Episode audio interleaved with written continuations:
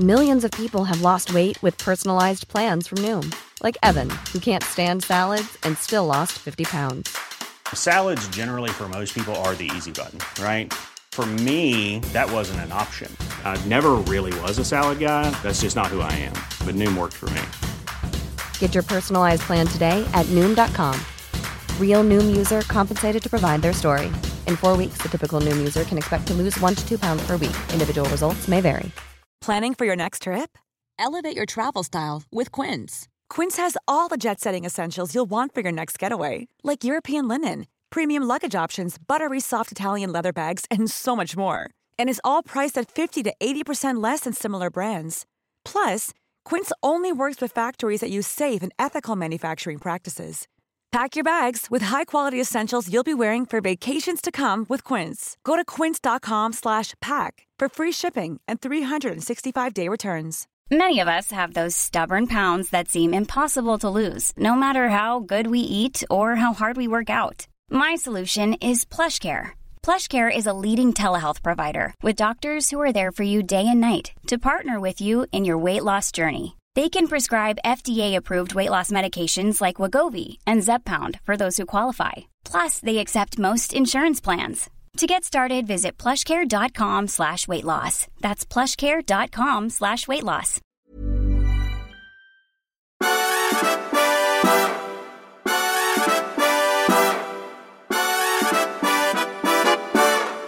Ja, guten Morgen säger jag då. Ja, god morgon på dig också. Jag såg i DN idag nämligen att det är katastrof för alldeles för få um, svenska elever som läser tyska, skriver Svensk-Tyska Handelskammaren. Yes. Det är bara några få, uh, några få procent. Men du är väl inte direkt den största Tysklandsvännen? Jag, nej, jag kan inget, jag talar inte tyska. Jag läste, läste franska och sen så läste jag spanska. Därför att hade man läst franska var det enkelt att läsa spanska eftersom det var som franska fast med regelbundna verb. Jag Så- vet, för jag gjorde också Ja, och nu kan jag varken prata franska eller spanska som eh, effekt av det. Och, du är inte tyska. Och du är lika glad för det. Nej, Ja. du vill ju egentligen kunna italienska va? Ja, italienska vore trevligt. Men, men jag, tror, alltså, jag tror det ligger någonting i det här, den här Tysklands eh, tanken då. För att, eh, brukar ju alltid säga det, att alltså, svenskar tror att de är britter men de är egentligen tyskar. Mm. Det är ju väldigt tyska. Och sen så har vi liksom glömt bort tyskan. Alltså min, mina föräldrars generation, de lärde sig ju tyska alltid. Ja, men det är ju en andra världskriget Ja. effekt såklart. Ja, det är det. Är det ju.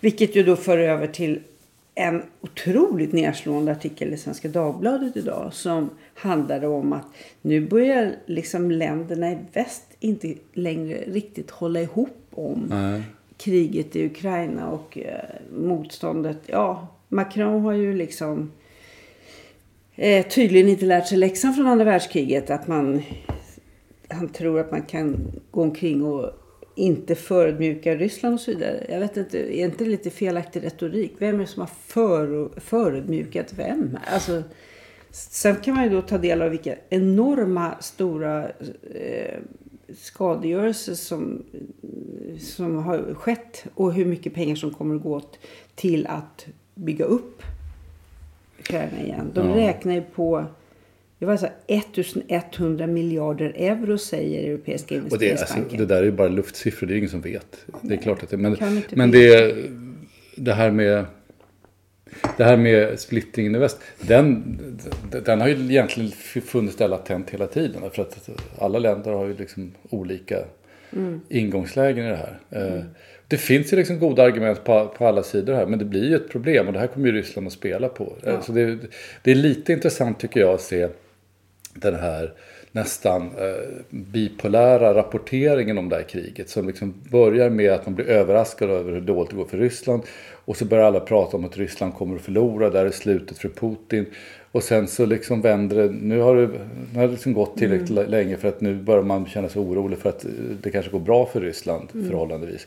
Och det på något sätt, det finns ingen riktig stadga i, i rapporteringen heller. Nej, det är precis. Det är enormt svårt att värdera det man läser Ja. gång på gång på gång. Och det, det är klart att har man liksom hållit på som du har gjort i årtionden i den här branschen, rapporteringsbranschen, så vet man ju att man måste ha ett metaperspektiv på det man läser. Mm. Men det blir enormt förvirrande om det bara är ett metaperspektiv eller ett dominerande metaperspektiv när man har hållit på i flera månader och försökt göra sig en bild av vad det är som händer. Mm. Jag tycker en sak som är så förvirrande, som jag fortfarande tycker är förvirrande, därför att det stämmer inte med den bilden av krig som, man, som jag har från första andra världskriget. Det är den här delen att man börjar bygga upp delar av Ukraina medan kriget fortfarande pågår i andra delar. Det är som att man, jag vet inte hur det där fungerar, att man ska liksom Ja, fast det är väl liksom ett sätt att, det är väl en moralhöjare. Det är väl ett sätt att visa att man liksom inte ger sig. Det är väl snarare det än att det har en större praktisk effekt skulle jag tro. Det är väl, eh, jag tycker inte, jag menar, det är väl, men det är ju så här som alla pratar om nu, hybridkrigföring och, och, eh, och eh, krigföring på, på väldigt många olika arenor på olika sätt. Det, det märkliga med det här på något sätt är ju att det är ju att det kombinerar otroligt gammaldags eh, otroligt eh, brutal krigföring. De här, de här eh, ständiga artilleribeskjutningen som är ganska så eh, urskillningslös. Med avancerade saker som cyberteknologi och allt möjligt. Det, det blir en väldigt konstig mix. Eh, Det finns, jag har läst rätt mycket historia de senaste veckorna av olika skäl. Alltså både gammal antik ro- romersk och, men också från eh, Napoleonkrigen och sådär. Alltså det är så mycket som påminner om hur det brukade vara förut. Liksom. Att man har en, ett, ett gäng soldater som måste eh, i stort sett leva på landet. De, de plundrar och de, alltså det, det, det är en gammaldags krigsföring på ett sätt. Ja, men det tycker jag är så intressant eftersom jag just har avslutat Carl Hamiltons bok på Mondial, historien om tre decennier som förändrade Sverige. De ofelbara, alltså den ofelbara svenska Mhm. met- eh, tekniken att kunna ta helt huvudlösa beslut. Ja. Som inte har någon som helst... eh, Det är en lysande bok det är Ja, faktiskt. den är väldigt kul. lysande. Och den, där, där talar han just om Försvarsmakten och nedmonteringen av den. Mm. Och hur, hur vissa eh, försvarsteoretiker talade om att i framtiden så kommer det inte vara aktuellt med kött och blodsoldater. Nej. Bara, ja. Så nu får man veta att, att ryssarna bränner folk med fosforbomber och vräker liksom bomber över Ukraina för att vinna mark. Det, det är i allra högsta grad är vi där. Och hur kunde man inbilla sig för ens ett kort, en kort period att, att vi inte skulle behöva... Ja, jag vet inte. Det finns, så mycket, det finns för mycket konsulter. De måste ju försörja sig på någonting. De måste ha idéer om olika saker. Det är en väldigt intressant berättelse i, i, i Carl Hamiltons bok just det där om försvaret. Om, om hur de här konsulterna kommer in med nya idéer. Och det finns Mm. mm. eh, förkortningar på allting. Och liksom hur, man, man känner ju igen det där från andra områden. Liksom hur förtrollande den där typen av förkortningar kan vara. Att plötsligt börjar alla prata något slags fackspråk. Och de säger saker som egentligen inte betyder någonting. Men de, det känns jävligt bra därför att det låter proffsigt. Liksom. Det, det är en väldigt alltså det, det, det, det är välbeskrivet där hur det där går till. Det har man ju sett i många andra sammanhang också tycker jag. Ja. Ja. Sen är ju Boris Johnson, vi kanske inte ska släppa honom helt och hållet. eh, När vi ändå liksom gör en liten turné över Europa. Vad, vad har du på hjärtat då? Jo, jag har läst lite grann här i morse. Eh, både Telegraph och Guardian och, och eh, Financial Times. Och dels är det så här, striden nu om vem som ska ta över efter Boris Johnson verkar ju vara stenhård. Eh, och på det här sättet att det nu briefas en massa bakom kulisserna mot olika kandidater. Och då, man säger att Boris Johnson till och med försöker lägga utnämner nu idioter till sin eh, interimsregering här som man ska ha för att det ska bli jobbigt för den som tar över och får lov att sparka alla när de tillträder. Det är massor med sådana här konstiga saker i luften. Men det som jag faktiskt var roligast som jag läste då, det var ju Financial Times. Som hade en ordlista på ord som borde liksom in i språket efter Boris Johnsons premiärministerskap. En är suitcased. Eh, för ni vet, ni vet den här eh, Partygate som de kallar det för. Alltså när de hade, eh, drack några drinkar på 10 Downing Street när det var lockdown. Då skickade de ju ut någon, eh, någon sån här underhuggare, portföljbärare med en sån här rullväska till den lokala eh, sprithandeln och fylla väskan med sprit och sen komma tillbaka. Så att nu föreslår de att suitcase ska betyda att man har druckit alldeles för mycket. Så att man, man är aspackad. Nej, det är ganska bra. lite sökt. Jag tycker det är roligt. Och sen så hade de eh, hans fina begrepp eh, An inverted pyramid of piffle. När han säger att någonting är riktigt eh, bara påhittat. Piffle är ju, betyder ju nonsens eller larv bara. Eh, eh, översätter de som det är absolut sant istället. Vilket så fort han använder det begreppet så vet man att han ljuger. så det är en ganska bra ordlista. Det är rätt mycket skojiga saker han har lagt till språket där. Men du, när det gäller honom Mm. så måste vi gå tillbaka till en lyssnarfråga som vi har fått. Jag har fått en lyssnarfråga. Ja, vi har fått en lyssnarfråga. Eh, eh, en av våra högst intelligenta och eh, eh, roliga och inkännande lyssnare har frågat. Hur är det egentligen med Boris kostymer alltså? Hur, hur, hur, hänger, hur kan han vara så välutbildad och röra sig i de här eh, klickarna och se ut som en, eh, jag vet inte vad. Men det är ju någonting med det där är ju, det är ju ingen slump förstås. Jag tror det där är väldigt utstuderat. Sen tror jag det kommer naturligt för honom. Man ser ba, till och med barnbilder på Boris Johnson. Så ser han ju liksom ut som en, eh, hej kom och hjälp mig som det hette när jag var liten. Eh, Kläderna bara hänger. Ja, på konstiga sätt. Och liksom, Men vad köper de för kläder då? Alltså han, han brukar ju säga på skämt, tror jag, eh, att eh, hans, te- hans, hans eh, skräddare heter Bowden. Det är en kille som gick på Eton ungefär samtidigt som, som Boris Johnson som heter Bowden. Han, han startade en postorderfirma som han blev rik på. Så att han försöker säga liksom att han köper sina kläder på postorder. Jag tror inte det är riktigt sant.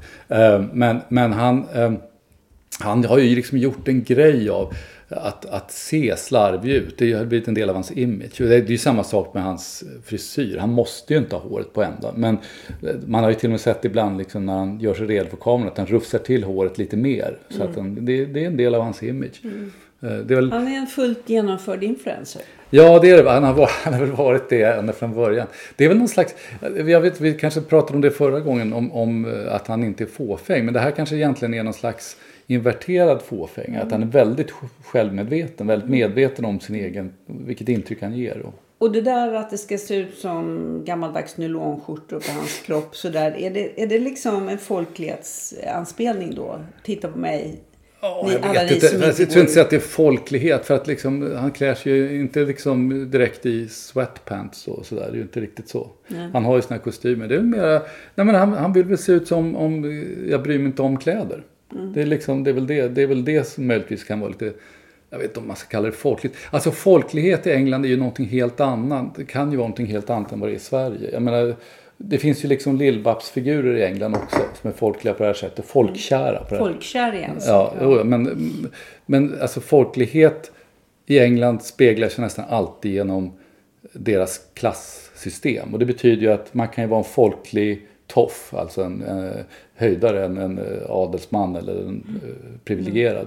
Man kan vara folklig och vara just därför att man är, fyller rollen som en, som en eh, höjdare.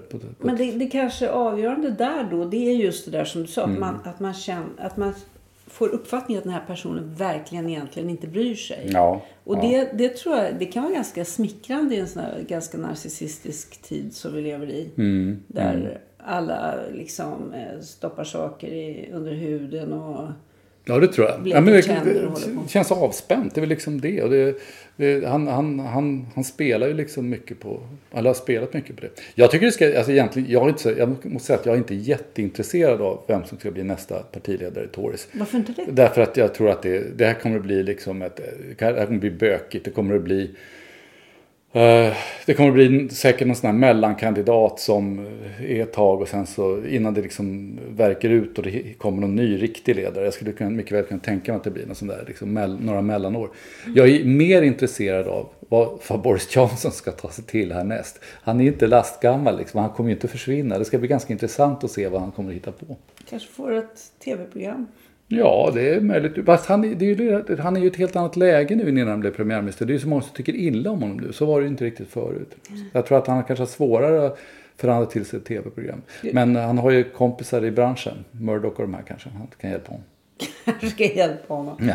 Ja, det verkar som du tycker lite synd om honom nästan. Nej, det gör jag inte. Men jag, jag tycker det är synd att han försvinner.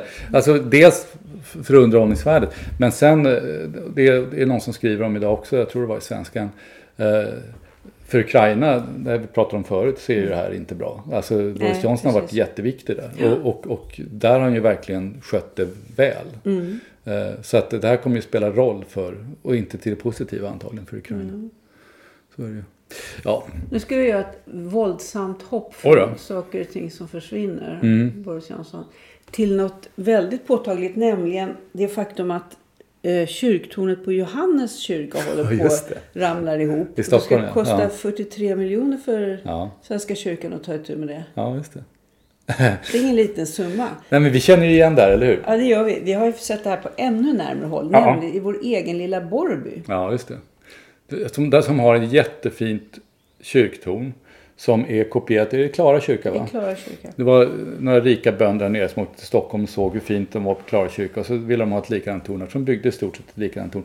Men det eh, fick de lov att plocka ner för det tre år sedan. Sån där. Ja, det, höll, det var ju i trä. Ja, det är träklätt med, med, med eh, metall. Det var väl antagligen koppar skulle jag tro. Så det gick ju inte så bra. Så det fick man ju plocka ner. Och så försökte de låta bli att sätta upp ett nytt torn just därför att det är så dyrt. Vi hörde väl att det kostar 30 miljoner ungefär. Men nu har vi faktiskt precis eh, avtäckt det nya tornet. Det ser jättefint ut. Ja, precis. De hade Spiran. tänkt sig att de skulle ha någon sorts ljusspel Ja, istället. gud, det Lite var modernt. fruktansvärt. Alltså, ja, verkligen hemskt. Men, men det här får ju eh, ganska intressanta implikationer. Tänk alla kyrktorn över hela landet som av olika skäl håller på att rasa ihop. I den här storleksordningen, Ja. om man ska laga det. Det verkar ju vara just de här spirarna. Det verkar ju vara, eh, alltså, om jag minns rätt nu, så eh, kyrkan, Johanneskyrkan alltså i Stockholm, där, där är tornet nu är på väg att, att falla. Eh, Det är väl byggt slutet på 1800-talet och det är den här kyrkan i Borrby också. Jag tror att det är, liksom, det är den ålderskategorin på kyrkor som har den där typen av torn och som antagligen är byggda på det sättet. Som- För de här gamla, äldre kyrkorna alltså, som går tillbaka till man kan ju gå tillbaka till 1300-tal men mellan 1300 och 1700-tal de verkar ju inte rasa ihop på samma sätt. Nej. Så att det kanske men jag tycker så här, det är, klart att, det är klart att kyrkan ska se till att tornet kommer upp. Det är väl bara, de, kyrkan är ju inte fattig. Nej, ett litet envist rykte gjorde ju gällande att här nere fick ju Svenska kyrkan sälja av lite mark för att ha råd med den här spiran. So Ja. what? Ja. Det är väl det. Det är väl bättre att man har någonting som sticker upp i himlen än att ja. något som ligger platt på marken. Det jag läste om Johanneskyrkan i, i Stockholm så eh, verkar det vara bli en internt bråk. Att, eh, själva så att säga, Svenska kyrkan centralt vill inte betala, hänvisar till stiftet och stiftet vill inte riktigt heller ta hand om och säger att det är församlingens ansvar. Så att man håller på att skicka det mellan sig för ingen vill bli sittande med räkningen antagligen. Jag tror, att det där, jag tror att det kommer att fixa sig. Jag tror inte att de kommer att kunna plocka ner det där tornet och inte sätta upp ett nytt utan att det blir Nej, kunde man inte, fasligt liv. kunde man inte komma undan med det i Borrby så lär man Nej, inte, inte komma undan med det i Johannes. Nej. Jag tror inte heller. Så är det nog. Men, jag, men jag, man vill ju se det innan man tror. Alltså, det finns ju någonting konstigt med de här. eh, Alla de här. Alltså, det är, mycket, är det inte mycket underhåll som är eftersatt i Sverige? Inte bara kyrkor. Järnväg. Järnväg, eh, vägar ibland. Elsystemet. Eh, Mm. Men- Då borde man vara inne på valrörelsen. Men det, jag tycker inte det händer någonting i valrörelsen. Jag tycker det, det känns... Har folk någon slags efter Almedalen... Jag tror att Almedalen avslutades på ett sånt olyckligt sätt så att den tog lite udden av den här känslan av att nu ska vi fightas. Det, det, liksom, det gick i mål med mord på öppen gata där. Så jag, tror, jag tror faktiskt, och sen är politiker bara människor. De behöver också lite semester. Man kan inte ha det semester. Ja, Man men kan inte ha det semester när det är valrörelse. Det går men inte. så har det faktiskt varit under valrörelsen. Att Ja. de pausar lite gemensamt och sen så drar de igång. Snart. Det är alltid någon som eh, utmanar de andra. Men det, var, det fan- fanns ju lite kul grej. Vi pratade inte så mycket om Almedalen förra gången. Men det fanns ju lite kul grej där ändå. Jag tyckte det var smart av Magdalena Andersson att åka, åka till Ukraina när det var Moderaternas dag i Almedalen. Ja. Det, kunde Modera- det kunde ju Moderaterna inte säga någonting om förstås. Men det snodde ju en del medieutrymme där. Liksom, medans Ulf Kristersson skulle hålla sitt tal i Visby så stod hon med Zelensky där och skakade. Iförde någon ukrainsk Ja, hon hade över- någon sån där lite... Ja, blus eller tröja. Ja, någon sån där lite folklore-artad sak. Ja, det var smart gjort. Det var smart gjort. Det beundrar vi lite grann. ja, lite grann. Lite. Ja. Ja, nej, jag vet inte vad valrörelsen har tagit vägen faktiskt. Jag, ingen, ingen aning. Det känns som att det var lite grälsjukt ett tag i början. Mm. Eh, och det brukar ju aldrig vara smickrande. Det kletar ju på alla. Ja, det gör ju Man det. får sluta med sånt. Men det- det är det här som vi pratade om förut lite grann med, med, med Johan Persson också. Alltså det, det hjälper att ha gott, visa att man har gott humör när man är i politiken. Det, det attraherar folk. Annars blir det jävligt tråkigt att titta. Det tycker jag. Men vi ser ju så lite, alltså vi tittar ju aldrig på tv. Kan vi, det kan vi väl avslöja. Menar, kan vi göra. Alltså det här, folk tittar på Agenda och, och så. Vi har ju inte sett ens tv-nyheterna på jag vet inte hur många år. Nej, och eh, eh, det är faktiskt inte så att det är någonting som det känns som man saknar. Det, det är ju Nej. faktiskt, eh, får man erkänna, försumbart. Ja, men det finns ju någonting annat. där. Vi läser ju om vad som är Ja, på just- tv. ja, så vi precis. vet ju en del. Ja, just det. Jo. Men vi Jo, behöver liksom inte... Det är det- som att ha en resumé. Ja, men jag, tänk, jag har också tänkt så här, liksom, att man behöver inte se det för att om det händer någonting som man vill se, då kan man gå tillbaka och titta på det när som helst. Men ärlighetens namn är det så att jag kommer inte ihåg när jag senast kände att jag behövde gå tillbaka och titta på någonting. Alltså, utan det är precis som du säger, man läser om, har det varit någon, någon vild debatt i Agenda som alla pratar om, då läser man om det, sen räcker det ganska bra. Det är ett mycket mer effektivt sätt att ta till sig än att sitta och stirra i i- i en, timme på, på när folk faktiskt gör det här. Det är bättre att läsa ett snabbt referat av vad de gjorde. Det är lite grann så. Men är det inte så helt enkelt att det är våra... Vi, vi tittar på tv-serier och eh, även film Ja. istället på streamat. Ja, men så är det. Kör. Ehm, men apropå, uh, apropå det här med eh, referat och sådär. Det är ju fotbolls... Är det EM va? Jag tror det är EM. Du, fråga inte mig. Nej, jag vet. Men jag tyckte det var så fascinerande för att de började prata om de spelare. Jag tänkte, Jag tar lite pannkaka med. Ja, gör det. Men det var så fascinerande för att, att de pratade om någon spelare. Jag kände inte igen namnet alls. Jag tänkte, jag har aldrig varit intresserad av fotboll egentligen. Jag tänkte, jag brukar ändå känna igen namnen på spelarna.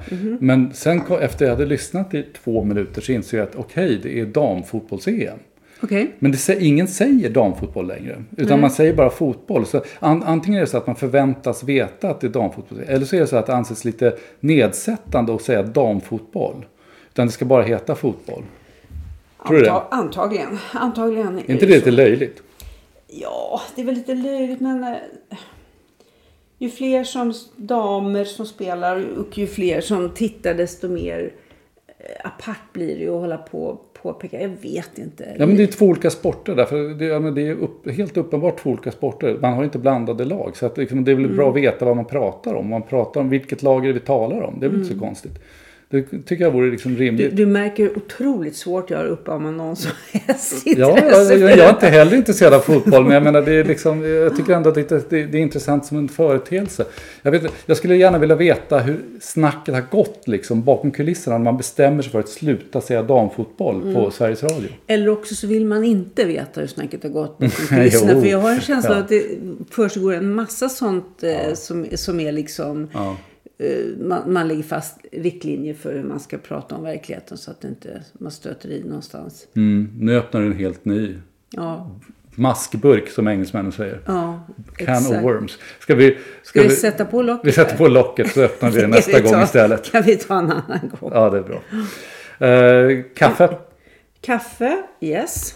och eh, ja, Ja, sen återgår jag till att läsa tidningen. ja, jag ska nog ut i trädgården är jag rädd. Men eh, ja, Det, det blir säkert bra. vi ses här inne sen. Det gör vi. Hej. Tjing.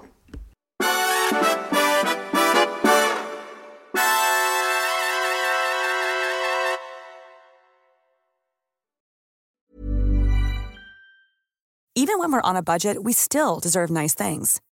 Quince is a place to scoop up stunning high-end goods for 50 to 80% less than similar brands. They have buttery soft cashmere sweaters starting at $50, luxurious Italian leather bags, and so much more. Plus, Quince only works with factories that use safe, ethical, and responsible manufacturing. Get the high-end goods you'll love without the high price tag with Quince. Go to quince.com slash style for free shipping and 365-day returns.